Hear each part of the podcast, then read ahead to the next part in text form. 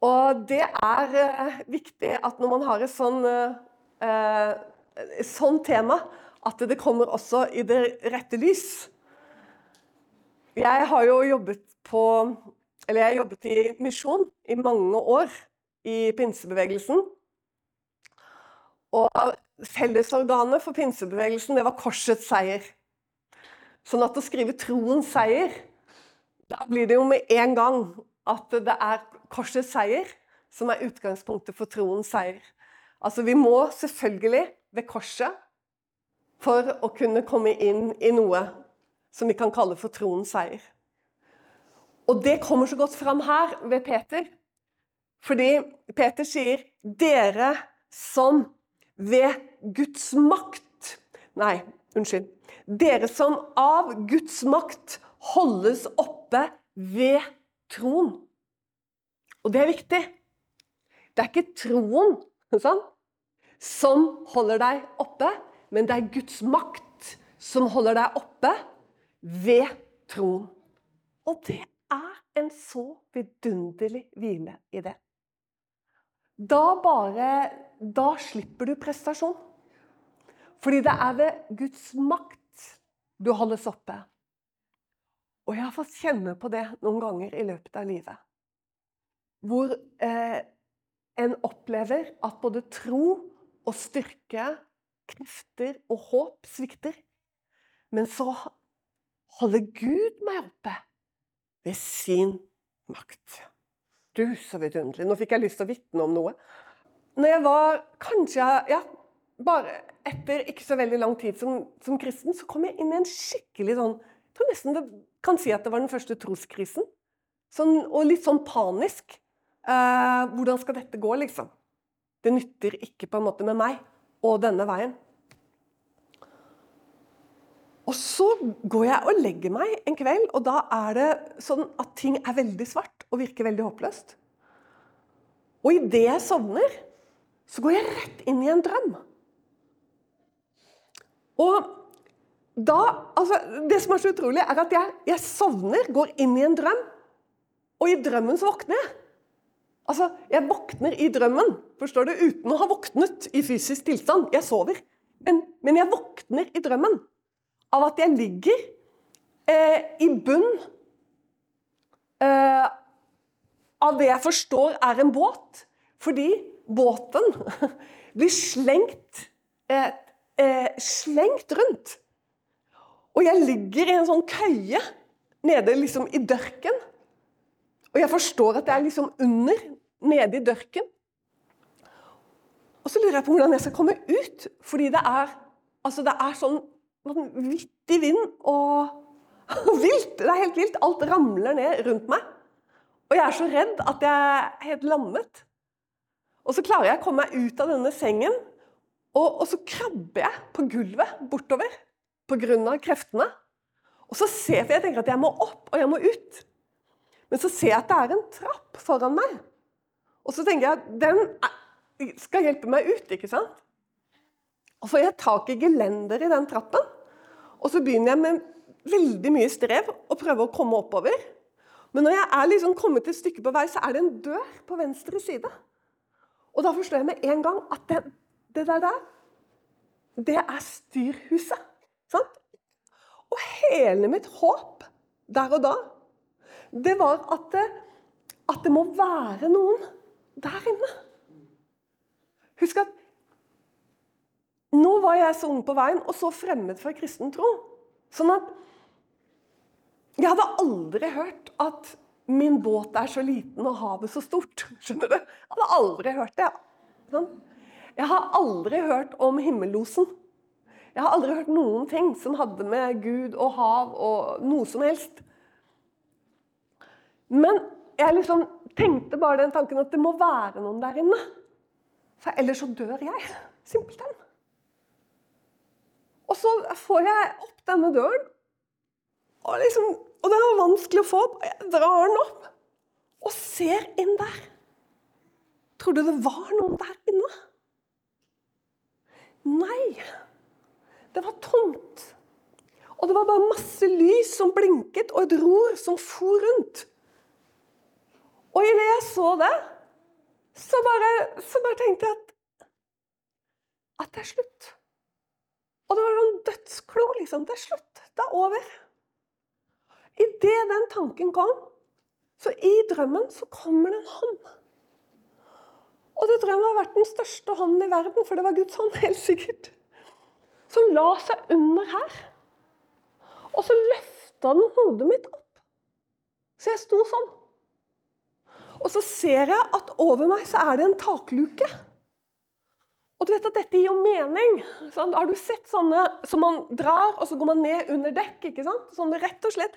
Men jeg var på underskinnen. Sånn jeg så opp og så den. Og så begynner jeg å dra i den, og den var enda vanskeligere å få opp enn den andre døren. Og Jeg er jo i dødsangst og panikk. Og jeg må få den døren, denne her luken opp. Og så går den opp, og jeg klatrer ut. Og det jeg ser da, det er eh, bølger som du bare ser på film. For de var så voldsomme at det var som, eh, det var som en vegg som kom. Og der står jeg. I regn, i storm, i panikk. Men så ser jeg i, helt nedi enden av båten så ser jeg en som sitter der. Men jeg ser bare, jeg ser bare denne hånden. Og så ser jeg et enormt ror. Og så ser jeg Og det er så nydelig. og så ser jeg en gul sydvest. Altså hele personen er gul. Og jeg, han har på seg en sydvest. Og så er det gul drakt. Og så er det denne hånden som holder på det enorme roret. Så jeg helt sånn Åh, Han har bare blikket stivt. Og så løfter han hodet sitt og ser rett på meg. Og du, det er det skjønneste ansiktet jeg noen gang har sett. Da så jeg himmelosen.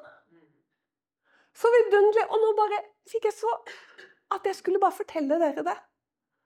For dette er jo like sant hos deg som hos meg. Han er virkelig himmelosen. Altså, han er virkelig himmelosen. Og bare et blikk på han, så er det bare sånn Jeg så det, og så tok han den andre hånden opp. Holdt han sånn. Så tok han den opp mot meg sånn. Og jeg trodde han vinka. Jeg tuller ikke. Så jeg bare løfta hånden, og så vinka jeg litt. Skjønner du? Sånn. Men når han gjorde det, vet du, så kom det en fred igjennom stormen. Det var helt vilt. Kom over meg her, i der jeg sto. Bølgene var fortsatt like store, stormen var like vill. Så kommer det bare en sånn fred over hodet mitt og går ned gjennom hele kroppen min. Så han velsigna meg. Sånn? han løftet bare hånden mot meg. Han sa sikkert bare 'Min fred være med deg'. Sånn. Jeg hørte jo ingenting, men bare så hånden. Og så kom bare fred. Så står jeg der. Og nå kommer det nydeligste. Og jeg ropte så høyt at jeg våknet. For jeg måtte jo rope gjennom en storm. Og du vet, det er et veldig ø, lyd. Da. Så jeg skulle rope helt ned til han. Så jeg ropte så høyt. Kan du tenke deg, i søvne, så jeg våknet. Men jeg skal si deg, hva tror du jeg ropte? Så høyt. Nå går jeg og legger meg. Og så nikket han.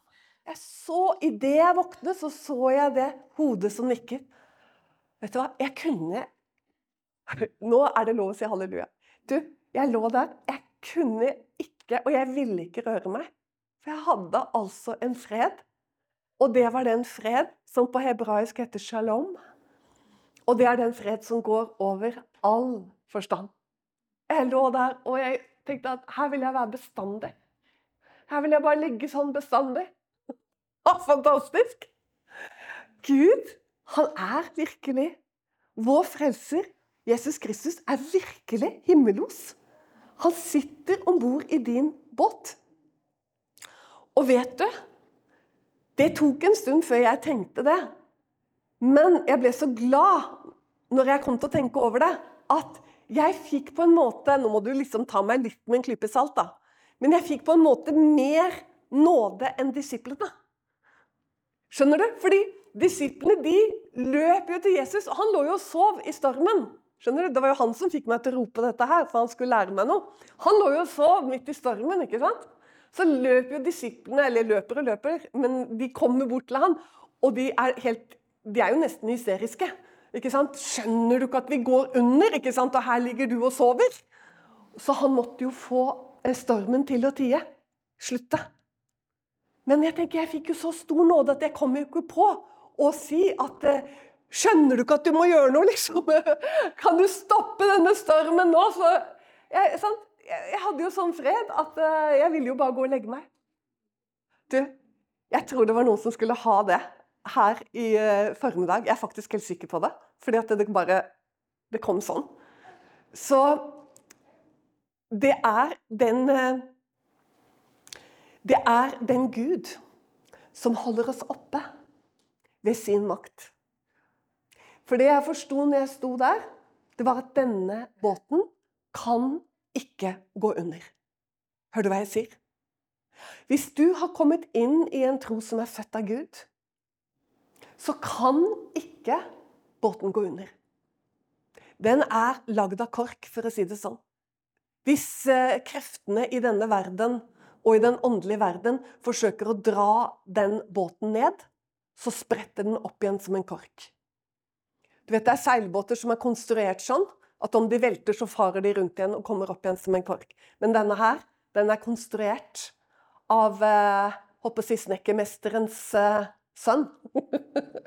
Tømmermannens sønn, Jesus Kristus. Og det er helt umulig at din båt går under. Selv om det kan føles sånn, så gjør den ikke det. Og han lærte meg en lekse for livet. Selv om jeg har hatt mine stormer og frykt og engstelse. Men det er veldig godt å komme tilbake til han i den gule sydvesten og i den gule regnfrakken. Og jeg skal fortelle deg faktisk noe som skjedde fire, kanskje fire år etterpå, kanskje tre år. Jeg vet ikke. Da var jeg sammen med sønnen min på Akvariet i Bergen. Og så leser han Han var jo ikke gamle gutten, men han leser at Mamma, det er kommet reptilavdeling i underetasjen. Med slanger og sånn. men Jeg vil ned dit. Og er det noe jeg faktisk ikke orker, så er det slanger. Altså, det er sånn Hvis det kommer på TV, eksempel, så bare lukker jeg øynene med en gang. For jeg orker ikke å se på det. Det er et eller annet som Ja. Jeg bare syns de er kjempe Ja. Men jeg er jo ikke alene om det, så jeg bør ikke legge ut om det. Det er mange som ikke liker slanger. Så det var bare sånn Ja, sier du det, gutten min? Ja, men kanskje vi skal være litt mer med selene og pingvinene? Ikke sant? Nei, sant? jeg vil til slangene. Så jeg tenkte ok, men det går så bra, Eva. Dette går så greit å gå ned der og se på kvelerslanger og og, og, og giftslanger og alt elendet der nede. Så jeg går ned trappen, og jeg holder han i hånden. Og så når jeg kommer ned i den kjelleren, så kom det Vet du hva? Det kom en frykt fra avgrunnen. Kastet over meg, for jeg kjente ingen frykt idet jeg gikk ned. Den kom, den kom altså sånn som jeg i ettertid forsto at jeg hadde et panikkanfall. Rett og slett. Altså panikkangst. Det er en egen term på en opple opplevelse av frykt. Det var det jeg fikk. Panikkanfall. Og så går du der ikke sant, med en gutt på åtte-ni år, og så har du panikkanfall, mister totalt kontrollen. Og så er det så nydelig. Så er det så nydelig. Så går jeg der, og det er bare sånn hvit mur, hvit mur, hvit mur. Og så går jeg rundt svingen, går der med sønnen min, går jeg rundt svingen, og der står det en utstilling av en nordlandssjekte. Og oppi nordlandssjekten sitter det en mann med gul sydvest og gul regnfrakk og gul oljehyre, hele han, og med hånden på roret. Du, vet du hva? Panikkangsten, den for ut av meg på ett sekund. Og det var bare sånn Å, gud, liksom. Det var nesten sånn Takk for angsten for at jeg fikk lov å oppleve det. Ikke sant? Den gleden, da. At han er med oss. Han er med oss overalt, hva? Han er en pappa. Han er vår frelser. Han er så utrolig god. Åh, ja Den Gud som ved sin makt holder deg oppe ved troen. Altså, han kommer igjen inn i troen din og styrker troen din. ikke sant? Sånn, ved sin makt så hadde han arrangert alt dette her, tenker jeg. Sånn? Og så ved troen så fikk jeg se. sånn?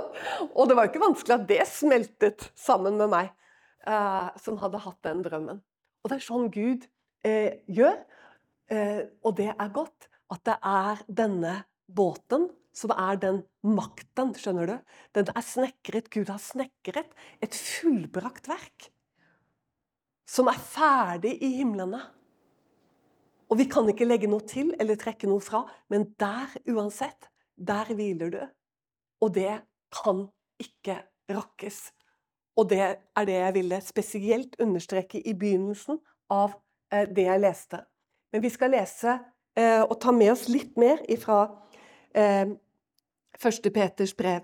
For det står i syvende for at deres prøvede tro, som er meget kosteligere enn det forgjengelige gull, som dog prøves ved ild, må finnes til lov og pris og ære i Jesu Kristi åpenbarelse. Oi Hva er det som står her? Og det skjønner du ble så godt for meg der på sofaen om morgenen for en fem-seks døgn siden. Deres prøvede tro, som er mer kostelig enn det forgjengelige gull. Så tenkte jeg ja, men Gud Altså, hvorfor sier du forgjengelig gull? Er det noe jeg tenker på som veldig lite forgjengelig, så er det jo gull. Ikke sant? Men du vet at når han skal sammenligne troens edelhet med noe, så blir jo alt forgjengelig. Da blir jo også gull helt forgjengelig. Så han sier altså Nå må du følge med, for dette er viktig. Dette er viktig. Nå må du følge med. Altså, hvis gull prøves i ild Hvorfor gjør du det? Hvorfor prøver du gullet i ild? Jo, fordi gullet Hør nå tåler det, og fordi du gjør det for at gullet skal bli renere. Fantastisk. Altså, du renser gullet ved ilden. Og så vet du at det tåler det. Og så sier liksom Paulus sånn Ja, eh, selv om dere nå har sorg med alle mulige prøvelser sant? Og så sammenligner han det med de prøvelsene som gullet må inn i. Gullet prøves, men gullet tåler det. Fordi det er så faktisk veldig lite forgjengelig. For det er så edelt. Så det tåler brennheite ovner. Og så sier han, 'Tenk da på deres tro'. Og da begynner jeg å tenke sånn For det første, hvor edel vår tro er. Selvfølgelig. Men hva den tåler. Og det er akkurat dette her. Sånn. Som også bare henger sammen med den himmellosen vår. Hva den troen tåler! Og nå fikk jeg lyst til å rope. Sant? Hva den tåler! Den er så mye edlere enn den mest rene gull. Som du kan steke Jeg vet ikke hvor mange hundrevis av grader du kan eh, Jeg, har overhodet ikke greie på det. Hva de kan gjøre med gull. Skal, det skal jeg faktisk sette meg litt inn i. Men tenk deg da, så sier Paulus liksom Forgjengelig gull, liksom. Sånn. Det er jo bare for å virkelig understreke hva troen tåler. Det av meg. Og at den må prøves fordi det blir sånn til velsignelse. Så øh, denne troen, dere, som Peter øh, har introdusert for oss, og som han introduserer til alle dette brevet sendes til, hvor han forteller om det forgjengelige gull, og så sammenligner han det med den troen som vi har fått. Og hvis vi nå eh, går og tar med Vi bør ikke gå dit, men bare hvis du tenker over hva troen er Det er jo fordi den er født av Gud, ikke sant? Det er jo derfor den tåler ildovnen og mye mer til. Fordi den er født av Gud. Johannes skriver i sitt evangelie at vi er ikke født av mannens vilje, og vi er ikke født av kjøds vilje. Altså vår tro er ikke født av manns vilje eller av kjøds vilje. Dette er også veldig viktig. For hvis du har arvet troen, forstår du, eller du er tvunget til å bli en kristen, eller du har lært opp til å bli en kristen, så vil det, den troen kollidere med verden før eller siden. For det er bare det som er født av Gud, som seirer over verden. Og nå går vi sammen til eh, 1. Johannes brev, til det femte kapitlet.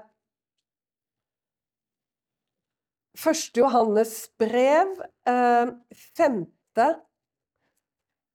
kapittel, og der er det noen veldig, veldig kjente ord helt i begynnelsen som jeg har lyst å bare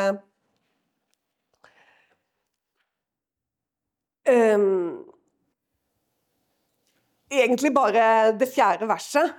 Uh, veldig flott det som står over. Uh, men fordi jeg ikke nå tema på en måte er, uh, er kjærligheten til brødrene, men fordi det, temaet vårt er tro, så holder jeg meg til fjerde verset.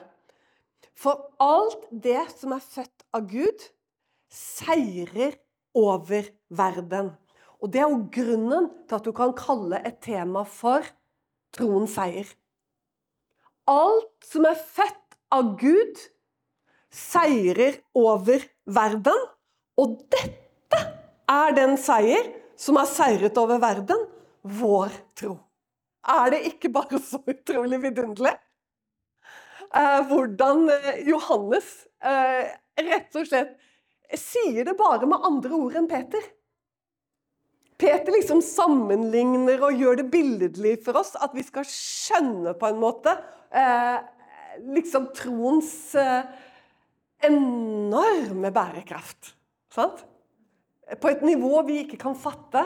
Kan, han, kan samle, han, kan sammenligne med gull eller diamanter om han hadde villet, men du kan allikevel ikke komme opp i den edelhet fordi det er født av Gud. Og Derfor sier Johannes altså så frimodig. Så sier han det. Alt som er født av Gud, seirer over verden. Og dette Og hva er det som har seiret over verden? Vår tro. Det er ganske deilig. Det er ganske fredfullt. Dere som ved Guds makt holdes oppe ved troen. Så det som er viktig, da, det er at du har en levende tro på en levende Gud. Og den troen, den kommer ved korset. Den fødes igjennom sannhet, ånd og sannhet. Og veien dit for, for hver enkelt, den er forskjellig. Det jeg kom inn med først liksom tanken og filosofiens vei i to år. Og så braket det gjennom eh, en natt i 1990 i mai måned. Men vi har så forskjellig vei dit. Men alle må møte han der i hjelpeløsheten ved korset. Altså, vi må inn i sannheten. Inn i lyset om oss selv. Og han sier jo at alt som er født Og du vet at Nytestamentet bruker ofte Jesus gjorde jo. Så det er sikkert det, det, er sikkert det Johannes har lært av Jesus. For Jesus snakket ofte om fødsel i forbindelse med tro. Og andre ting. Så kommer dette med kvinnens fødsel. og han, han bruker det flere ganger. Men han bruker det ofte når han taler om forløsning. Og det er jo ikke rart, for fødsel er jo forløsning. Og så har jeg tenkt på dette her at Kanskje et bilde da, kunne være for oss at uh, Nå skal du ikke ta det helt bokstavelig, men, men, som et bilde. Altså at det nytter jo ikke med epidural når du skal bli født på ny. Forstår du? Det kommer ikke til å gagne deg. Det, det funker i den vanlige verden. Altså når vi skal føde et barn, så funker epidural. Barnet blir født, ikke sant? Men åndelig talt så, så, så, så kan vi ikke ha epidural. Og det er akkurat det jeg skjønner det. Og det er her Gud jobber så forskjellig med oss. Fordi at noen er så redde. Og det ikke noen Det høres liksom noen er så redde, og andre er ikke så redde. liksom. Ikke, men vi er så forskjellige. Vi har så forskjellig bagasje, vi har så forskjellig bakgrunn, vi har så forskjellig erfaring. sant? Og noen er så redde. Og skal jeg bli kristen, så skal jeg bli det med epidural. Forstår du? Da skal jeg i hvert fall ha epidural. ikke sant? Og det er jo så trang fødsel at de er jo kaldt i årevis. Jeg har jo disse i ganske nær bekjentskapskrets. ikke sant? De har holdt på i årevis, ikke sant? fordi de vil hele tiden ha epidural. Forstår du? Altså, de, og hvorfor sier jeg det? Jo, for de vil ikke inn i sannheten. Forstår du? Altså, Man vil være litt kristelig, man vil ta litt nadvær, eller man vil et eller annet, skjønner du? Men man vil allikevel ikke bli født på ny. Og det er jo så innmari dumt, for du lager jo så mye strev for deg selv. La det heller brake igjennom. Forstår du? Og noen ganger handler det og Kanskje for de fleste må en eller annen gang, skjønner du, så må det Så går det i knas, da. På en eller annen måte. Men altså, det er dette Gud er ekspert på. Det står at han bor i det høye og hellige. Og så bor han i det sønderknuste eh, hjerte og den sønderbrutte ånd. Altså, det er dette han kan. Det, er, det han virkelig kan, det er å ta det ødelagte. Altså, han kan lege sønderknuste hjerter. Det er det ingen andre som kan. Forstår Du Du kan ikke lege et sønderknust hjerte. Men ingen kirurg kan det. Men Jesus kan. Så han er ikke det minste redd for at du skal verken bryte sammen, ikke orke mer, ikke klare mer. Han er ikke noe redd for det. Han kan til og med være så lite redd for det at han Eller vil ikke være kristen mer. Nei vel, da. Så lar han deg gå noen runder der ute, da. Så han er utrolig på å dra deg inn igjen. Man ser kanskje at du trenger noen erfaringer og noe som han, han lar deg gå. Sånn? Og så drar han deg inn igjen. Men han er jo også sånn. Han er jo sånn som den gode hyrden. Sant? Han, går, han ikke bare lar deg gå, men han går etter deg. Og han går etter deg så lenge. Inntil han finner deg. Og da tar han deg opp. Ikke sant? Å, for en utrolig frelser vi har. For en frelser vi har. Han kan lege sønderknuste hjerter. Han er ikke redd. Vet du hva? I den stormen vi befant oss i, han og jeg Det, det går ikke an vet du, å ha en så totalt urokkelig fred. og vi seilte Hør her. Vi seilte for fulle seil. Fulle seil. I sånt vær så drar du første du gjør, er jo å få ned Erlend, hva er det? Er det fokken? Hva er det? Storseilet. Og så må du i hvert fall ha den der helt foran. Det er fokken, ja. Den må du få ned. Og så må du helst få ned storseilet også i sånt vær. Va? Men vi Fokken var oppe. Storseilet var oppe. Og vet du hva, egentlig? Jeg drømte Himmellosen. Har du hørt den sangen? Nå må du sjekke opp den eh, en eller annen gang før du legger deg i kveld. Himmellosen, ja. Ludvig Carlsen sang den. Du kan gå på, kan gå på YouTube og, og, google 'Himmellosen', og så kan du google, altså ta med Ludvig Carlsen og høre han synge den. For det, jeg drømte den, vet du mange år før jeg hørte den. Fordi det, et av versene er Han ga meg en ny båt med ror og med seil. Sånn? Så jeg var om bord i motorbåten, jeg. jeg var, og, det, og, der var det tomt. Husker du jeg fortalte deg? At jeg titta inn i det eh, rommet hvor styrmannen skulle stå. ved roret. Og det, den, den var forlatt. Men det er fordi at jeg var jo blitt et Guds barn. Jeg hadde jo forlatt. Skjønner du? Eh, jeg hadde forlatt eh, dieselen og gasspedalen og egenkraft og Sant? Det var forlatt. Men panikken da, over å miste kontroll, og om denne Gud virkelig holder, og om kristentroen virkelig holder Forstår du? Det var jo dette Gud ville vise meg. så lot han meg få komme opp og se at jeg hadde jo fått en ny båt. Med ror og med seil. Og som kan seile i full storm. Og det var liksom ikke en antydning til en eneste bekymring i pannen på denne mannen i gul sydvest. Det var bare en vidunderlig fred. Og det ansiktet, det kan ikke jeg under noen omstendighet huske. Jeg kan ikke gjenkalle det, jeg kan ikke huske det. Jeg kan bare si at det er det vakreste ansiktet jeg noen gang har sett. Men jeg kan aldri huske ansiktet sånn igjen. Det klarer jeg ikke. Men bare lyset i det, lyset og skjønnheten, det sitter igjen. Johannes første brev. Men der står det det som var fra begynnelsen, det som vi har hørt, det som vi har sett med våre øyne, det som vi skuet og som våre hender følte på, om livets ord. Åh, du, dette er altså så jødisk og så hebraisk og så fysisk og så konkret. Johannes prøver her ikke sant, å få fram hva troen gjør inni oss. Altså, vi får lov å erfare Gud. Vi får lov å oppleve Gud. Vi får lov å kjenne. Sant? Vi får ikke alle lov til å gjøre som Thomas, som sa at eh, hvis ikke jeg får stikke fingrene inn i naglemerkene og hånden min inn i eh, spydsåret, så vil jeg ikke tro. Det er ikke det jeg mener.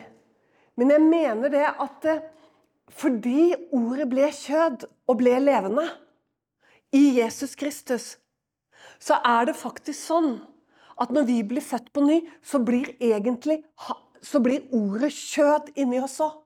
Det blir sant, det blir ekte, det blir noe vi opplevde, noe vi erfarte. Han grep inn, han hjalp meg, han frelste meg. Han reddet meg. Ikke sant?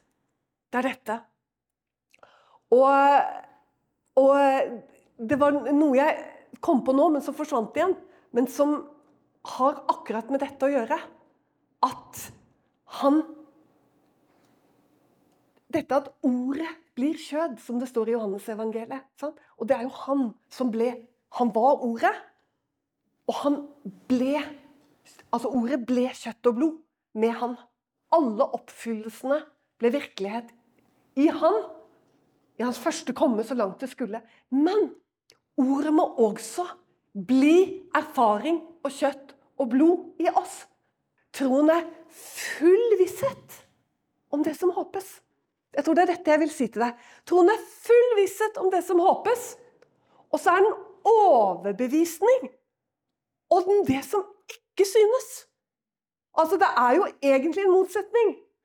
Kan du være overbevist om noe du ikke ser? Ja, det kan du. Stå med oss økonomisk og i bønn. Du finner oss på utentvil.com.